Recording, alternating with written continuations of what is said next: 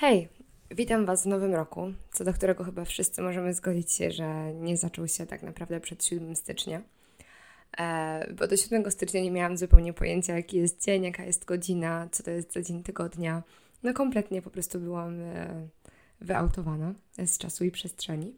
Ale udało mi się już wrócić e, wraz z poniedziałkiem. Zaczął się nowy semestr, zaczął się kolejny dzień pracy. E, no i zaczęło się powolne realizowanie jakichś tam postanowień noworocznych z mniejszym lub większym sukcesem. 11 bądź 4 dni w nowym roku, w zależności jak Wy to liczycie. No ja nie mogę liczyć od 1 stycznia, bo 1 stycznia to nie wiem, czy opuściłam łóżko na więcej niż 20 minut, bo jeżeli się jest osobą, która w piąteczki woli leżeć w łóżku jednak, albo przynajmniej tak lubi myśleć, a, a w Sylwestra idzie i kupuje dużo dżinów i toników, to się, to się bardzo źle kończy. A miałam e, u siebie w odwiedzinach moją dobrą przyjaciółkę z Rumunii, z którą pracowałyśmy wcześniej w korporacji w Krakowie. I było to niesamowicie w ogóle sympatyczne i fajne przeżycie, bo to była osoba, która mój 2019 rok e, dużo no, polepszyła, nie ma co ukrywać. To był ktoś, kim nie spodziewałam się, że, że jakąś przyjaźń.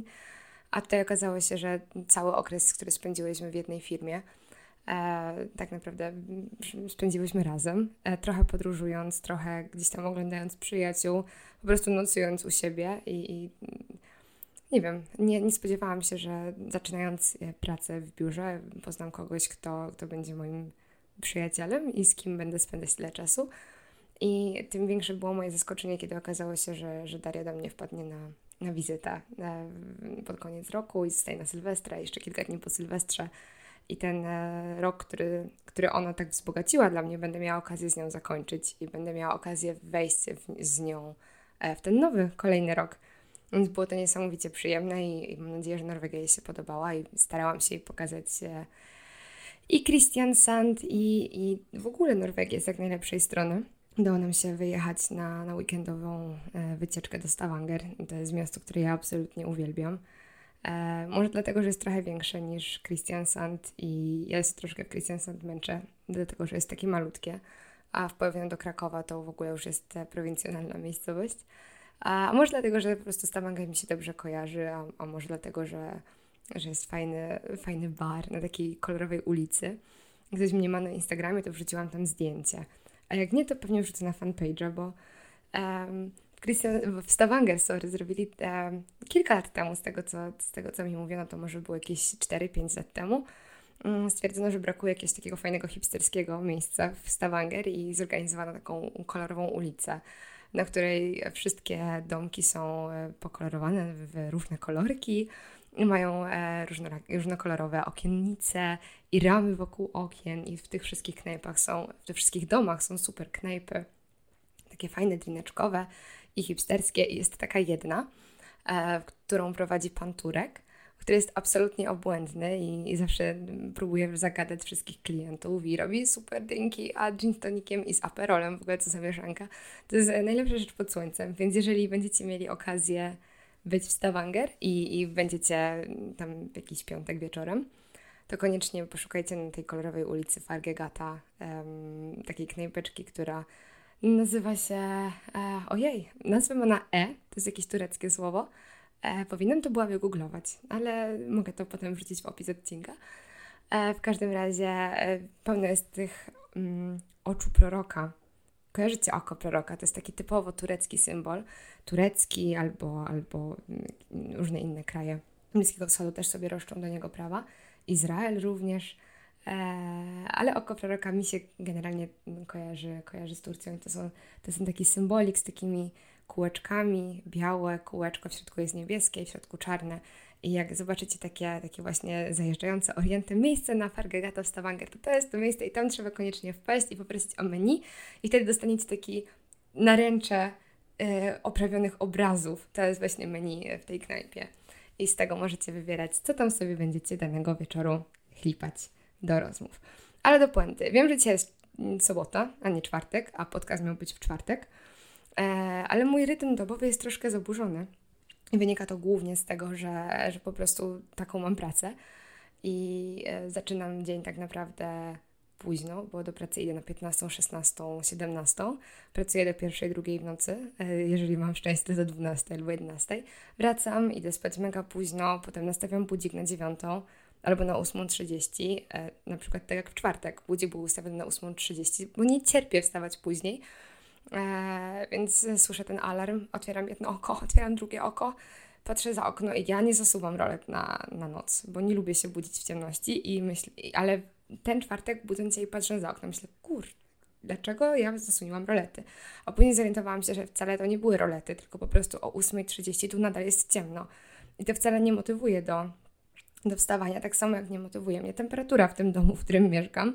Bo przypominam, dom jest z 1932 roku i pokoje są duże i przestrzeń jest spora, a my się ogrzewamy prądem, moi drodzy, więc E, to, że ja mam w pokoju ciepło, to nie znaczy, że jak wejdę do kuchni albo do salonu, tam nie trzeba natychmiast włączać e, takiego grzejniczka elektrycznego i odczekiwać jakichś 15 minut, żeby w ogóle ta temperatura się nadawała do, do życia, więc no nie mam takiej motywacji, żeby wstawać i to wszystko się kończy tym, że ja sobie nastawiam drzemkę i budzę się o 11, e, jak już jest jasno i jak już wiem, że muszę wstać, bo inaczej to już cały dzień będzie zmarnowany.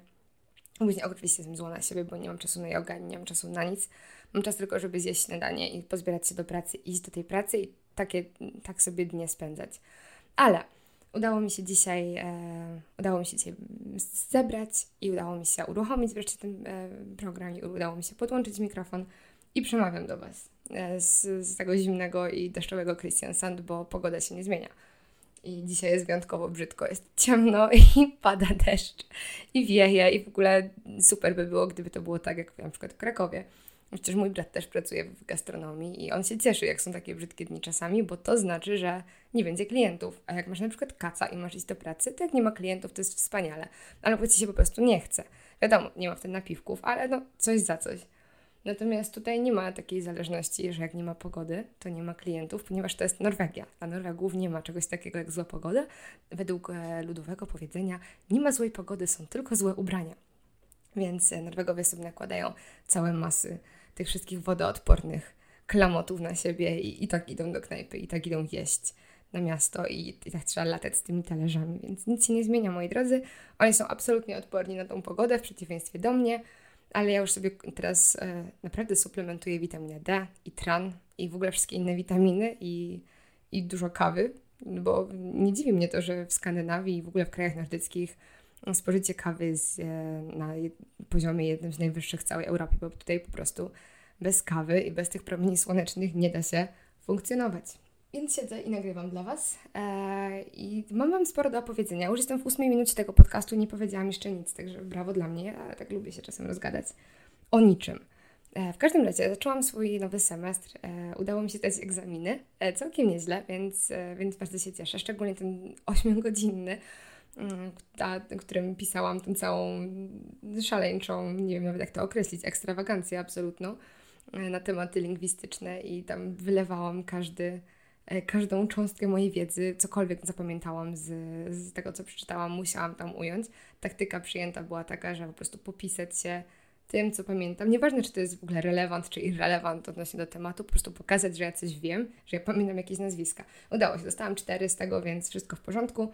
E, teorię języka w ogóle zdałam na 6, więc jest super. Można zaczynać drugi semestr. Ale nie jestem szalona i, i zrezygnowałam z lingwistyki i mm, w tym semestrze biorę literaturę. I Bóg nagrodził moje cierpienia lingwistyczne, ponieważ przedmiot, który, który obejmuje w tym semestrze specjalizację z literatury, to jest postpamięć czyli e, taka dziedzina, jakby literaturoznawcza można powiedzieć, która zajmuje się nowoczesną literaturą, która mówi o II wojnie światowej, ale z, ze spojrzenia, z kontekstu, z, z perspektywy drugiego pokolenia, czyli pokolenia, które samo nie przeżyło Holokaustu czy jakichś tam innych wojennych e, traum.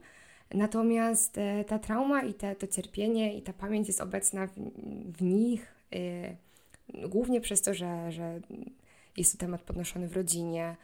E, no wiadomo, jeżeli jest jakaś trauma rodzinna, jeżeli jest jakaś trauma narodowa, to jest coś, przed czym ciężko jest uciec. A jako Polacy wiemy o tym doskonale, bo mimo tego, że moje pokolenie przeżyło komunizmu, to oczywiście odczuwamy jego skutki do tej pory. I, i pewne rzeczy w naszej mentalności, tak polskiej generalnie, wynikają tylko i wyłącznie z tego, że pokolenie naszych rodziców przeżyło na przykład komunizm i, i pewne wzorce zachowań nam przekazało, mimo tego, że, że to nie były czasy, które nam, nas już dotyczyły. I to samo dotyczy postpamięci, czyli wszystkie traumatyczne wydarzenia, które były traumatyczne dla, jakiegoś, dla jakiejś grupy społecznej albo dla jakiegoś narodu na przykład, które są przekazywane gdzieś dalej.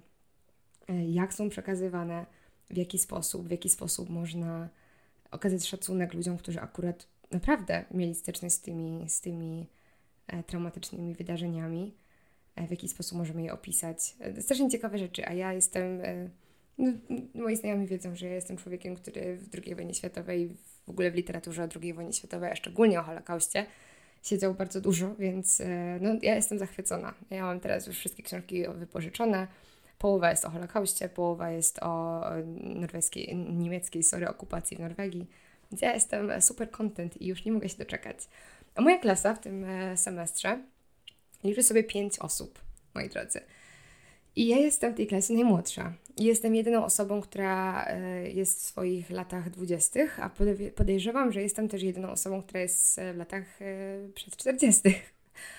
Bo e, cztery inne dziewczyny, kobiety, panie, które ze mną studiują, to dwie emerytki, które przyznały się, że one studiują po prostu po to, żeby dla luksusu, bo mają taki luksus w zasadzie, dlatego że e, chcą sobie ćwiczyć pamięć, a studia są lepsze niż sudoku, dlatego że mają taką możliwość, dlatego że to je interesuje, dlatego że są nauczycielkami na emeryturze i chcą sobie jakieś e, podjąć wyzwanie. I tutaj nie chodzi się na uniwersytety trzeciego wieku, tutaj się po prostu robi magisterkę. E, więc dwie panie są na, na emeryturze. Jedna pani jest nauczycielką w liceum, i, i po prostu robi jakieś tam dodatkowe wykształcenie. Tutaj wielu nauczycieli jest po prostu na licencjacie i tak sobie na tym licencjacie funkcjonuje bardzo długo. Mm, jeżeli chce przejąć więcej klas, na przykład dostać więcej godzin, wtedy trzeba się specjalizować, trzeba robić magisterkę. A czwarta pani, która ze mną studiuje, to jest w ogóle, to będzie moja idolka, naprawdę, bez kitu. E, to jest pani, która generalnie jest marynarzem i pół życia spędziła e, w wodzie, na wodzie, przepraszam, na morzu i ma uprawnienia kapitana i kierowała łodziami, kierowała statkami w zasadzie dużymi. E, I jest to jej ogromna pasja. Morze, statki, generalnie całe to życie takie marynistyczne. Natomiast musiała zejść na ląd ze względu na to, że, że urodziła dziecko. I tym dzieckiem się teraz zajmuje, a ponieważ literatura to jest jej ogromna pasja i ona mega dużo czyta, to stwierdziła, że ponieważ ma jakiś tam licencjat z literatury z Bergen, skąd pochodzi, to teraz mieszkając w Kristiansand, zajmując się tym dzieckiem, zrobi sobie jeszcze magisterkę z tego, e, żeby zająć swój czas, e, dopóki nie będzie w stanie wrócić z powrotem na morze, o czym oczywiście marzy.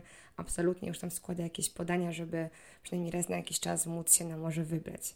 Ja nigdy tego nie doświadczyłam, żeby na przykład e, pałać miłością do gór. To znaczy, uwielbiam góry i uwielbiam na przykład chodzić i się wspinać po górach, ale nigdy nie miałam takiej miłości do gór, żeby po prostu mnie tam ciągnęło na takiej zasadzie, że o, teraz muszę spędzić tydzień w górach. I tak przemawia to do mnie dużo bardziej niż o kurde, teraz muszę spędzić tydzień na morzu. I nie wiem, w jakim stopniu to może uzależniać, ale ludzi to uzależnia. I ona już nie może się absolutnie doczekać, kiedy, kiedy znów na morze wyruszy. I mnie to fascynuje, bo ja zawsze miałam jedną jakąś tam pasję i to był norweski, gdzieś tam czytałam o tym dużo. E, I mieć już dwie takie duże pasje i w ogóle czas na to, to jest dla mnie kosmos i, i mi się wydaje czasem, że ja robię dużo, a później się okazuje, że ludzie się znają na statkach, na śrubach w tych statkach i i umieją prowadzić. Statki się prowadzi, czy się steruje? Steruje się statki. Umieją sterować statki, a przy okazji jeszcze umieją masę rzeczy o literaturze. I to jest takie wow, kim ja jestem w życiu. Mi się wydawało, że jestem mądra, a tak naprawdę to nie jestem. Więc to będzie ciekawa klasa i to będą ciekawe zajęcia i to na pewno będą e, ciekawe osoby, żeby, żeby spędzać z nimi czas, więc pewnie gdzieś tam z tymi moimi paniami będę się starać chodzić na jakieś lunche i, czerpać z ich doświadczeń i z ich, z ich pomysłów i no i z ich motywacji jakiejś, która je na te studia doprowadziła. A drugą rzeczą, którą absolutnie Wam muszę opowiedzieć, to jest to, że w tym semestrze na uczelni uruchomiono taki kurs norweskiego na poziomie e, C1, który ma być takim wspomagającym kursem dla wszystkich studentów, którzy studiują po norwesku, ale którzy nie mają norweskiego jako języka ojczystego. Więc ja oczywiście na ten kurs się zapisałam. E, niestety zrobiłam to za późno, więc nie dostałam na nim miejsca, ale e, zapisałam się na listę oczekujących. I pierwsze zajęcia na tym kursie miały miejsce w poniedziałek, we wtorek, i we wtorek wieczorem dostałam maila, że ktoś tam się nie pojawił, czy zrezygnował i że jest dla mnie miejsce, żebym szybko dała znać, czy chcę to miejsce, to będę sobie chodzić. No i oczywiście chcę, bo potrzebuję jakiejś motywacji, głównie po to, żeby rozszerzać słownictwo.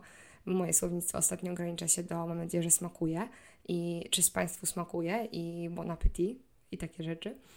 E, więc e, pisałam, że tak, tak, tak, absolutnie ja chcę to miejsce i w ogóle kto prowadzi ten kurs, bo ja się muszę odezwać i zapytać, co było na pierwszych zajęciach. Dostałam nazwisko prowadzącego, wystosowałam maila, że hej, co tam było na zajęciach i, i jakieś update'y proszę, bo teraz będę chodzić. I dostałam wiadomość, że ten pan będzie w biurze w swoim e, na uczelni przed następnego dnia i żebym wpadła po prostu na taką konsultację. Że akurat miałam zajęcia tego dnia, no to po zajęciach, e, po poznaniu pani marynarz i moich pan emerytek, e, wpadłam do tego, do tego biura i zapytałam. I w ogóle jak zobaczyłam tego pana, to on tak, e, cześć, czy ty jesteś Aleksandra? Ja mówię, tak, to ja. E, I on do mnie, no to zobaczmy, po polsku, czujecie to? Po polsku. I to nie, że to Polak, tylko z takim super akcentem. No to zobaczmy, bo Norwedzy mają takie skalwise i to jest właśnie takie zobaczmy, żeby zacząć w ogóle jakiś temat, żeby się wgłębić w jakiś temat. To jest takie, no, takie, żeby zacząć. I, I troszkę mnie wcięło, a później patrzę na jego półkę z książkami i on stoi jako autor na okładce książki, która nazywa się Jak uczyć się języka norweskiego, kiedy polski lub niemiecki są Twoim e, mother tongue. E, Jezus Maria. Tak, tak się właśnie dzieje, jak się mówi językami. Tak, emigracja, to mi już uderzyło do głowy. E, twoim językiem, Jezus Maria, jakim językiem? No językiem oczywiście, native językiem. No nie wiem, no zgubiłam się, a nagrywam i to już w ogóle teraz nie przyjdzie mi ten, to słówko do głowy. Ojczystym językiem. Jezus Maria, Ola Kozałka każdym razie, e, tak patrzę na tą książkę i mówię, kurczę, nie wiedziałam, że taka książka w ogóle istnieje. Gdybym wiedziała, no to to mogłoby mi tam pomóc w moim procesie nauki. A ten facet do mnie, że no tak, tak, on taką napisał na bazie swojego researchu, który prowadził tutaj na uczelni, takiego jak robił doktorat, czy tam Bóg wie jaki stopień. I że on włada pięcioma językami i właśnie między innymi włada polskim. I nagle przełącza się na polski. I to było absolutnie super usłyszeć Norwega, który mówi po polsku, bo się go nauczył na jakimś kursie, a później uczył się samemu i mówi tym po tym polsku mniej lub bardziej płynnie. Oczywiście absolutnie z, gra, z błędami gramatycznymi, ale zupełnie zrozumiale i, i, ma bardzo fajny zasób słownictwa i ojej, to było super zaskoczenie i to było super urocze właśnie przez ten akcent i no jak, jak trzeba być szalonym, żeby być Norwegiem i się uczyć w ogóle polskiego. A ten facet jeszcze zna rosyjski, niemiecki i, i angielski, i właśnie norweski, więc podziwiam takie kombajny. To jest znowu taki moment, kiedy mi się wydaje, kurde, studiuję, robię magisterkę w moim trzecim języku, a tu nie, bo ktoś zna pięć języków, więc no można wpaść w depresję, ale nie trzeba. Trzeba doceniać to, co się samemu umie. I w ogóle po co się porównywać do innych, nie? Jakby to tylko niszczy nam e, samoocenę i nie wiem, gdzieś tam podkopuje obraz e, samych siebie, który mamy, jakiś pozytywny.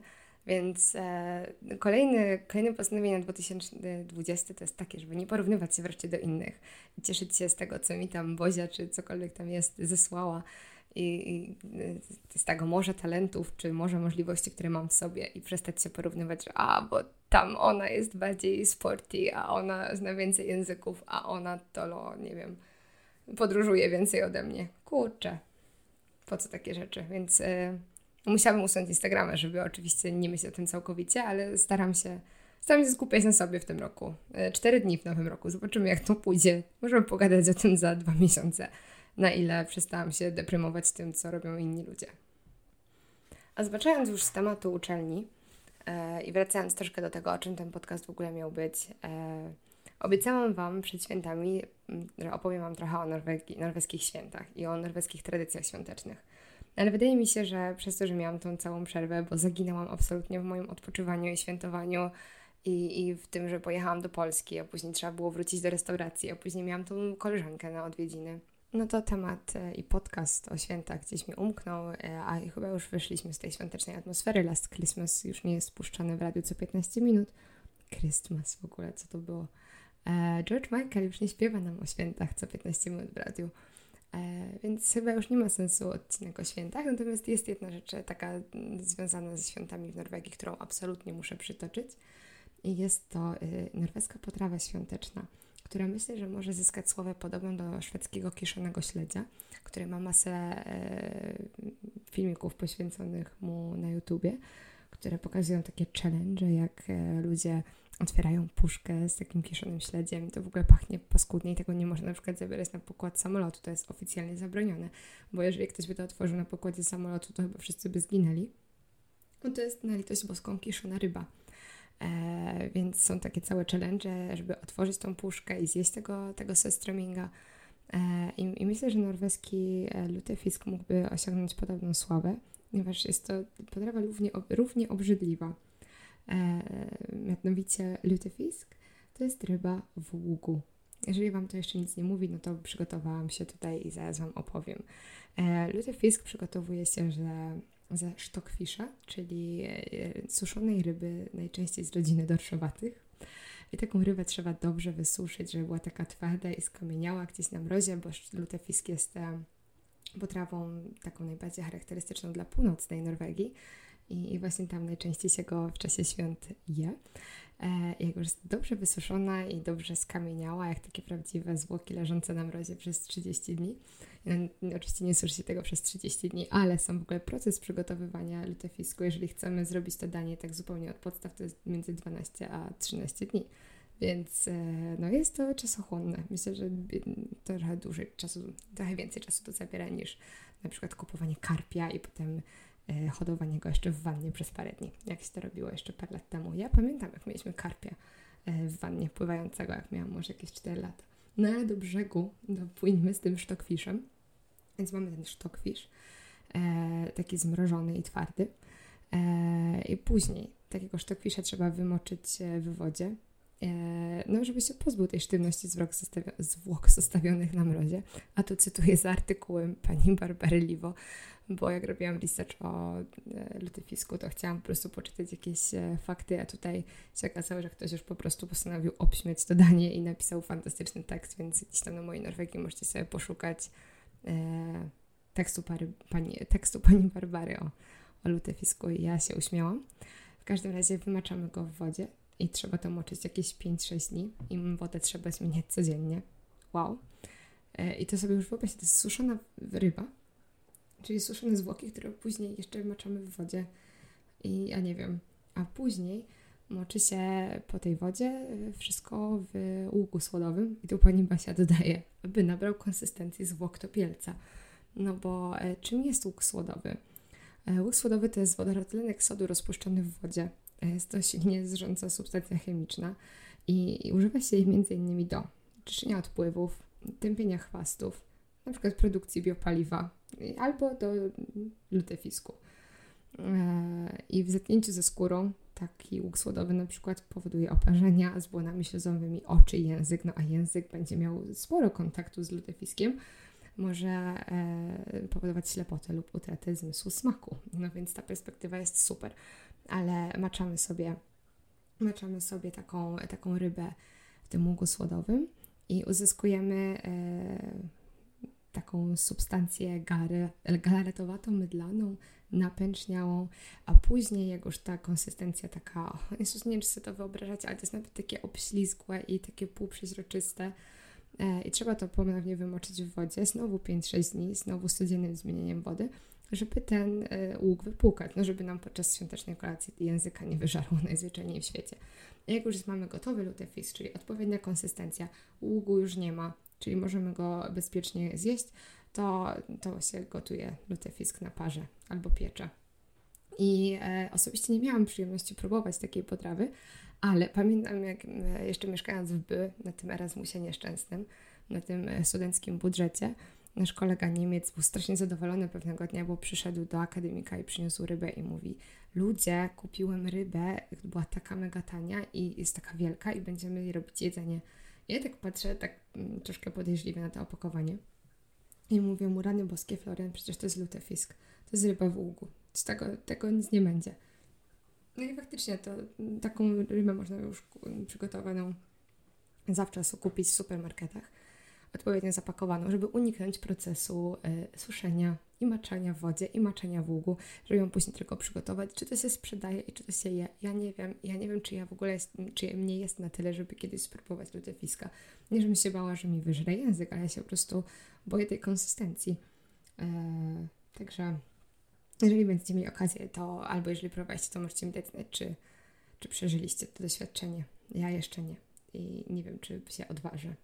W ogóle co, co kraj to dziwne danie, ale u nas też się czasem, nie wiem, mówi o piklach, że to jest przecież kiszone i że to przecież e, w innych krajach uważane jest za zgniłe, a my kochamy wszystko, co jest kiszone. Więc e, kim ja jestem, aby oceniać lutefisk? Ale serio, kto wpadł w ogóle na pomysł? Bardzo mnie interesuje, kto wpadł na pomysł, żeby brać takiego sztokfisza i go moczyć w ługu. Dlaczego? Skąd to się wzięło? Ja serio zrobię o tym research i kiedyś Wam opowiem. Kto wpadł na pomysł, żeby moczyć rybę w wodorynku sodu, a później to płukać, a później to jeszcze gotować? Dlaczego nie można było po prostu zjeść ryby? Nie wiem. Ale to są Norwegowie. Tutaj różne dziwne rzeczy się odbywają. O różnych innych dziwnych rzeczach opowiem Wam za tydzień. Mam nadzieję, że już teraz uda mi się e, z takimi bardziej e, równymi od, odstępami publikować ten podcast. I mam nadzieję, że spędziliście 25 minut przyjemnie. Do usłyszenia. Cześć.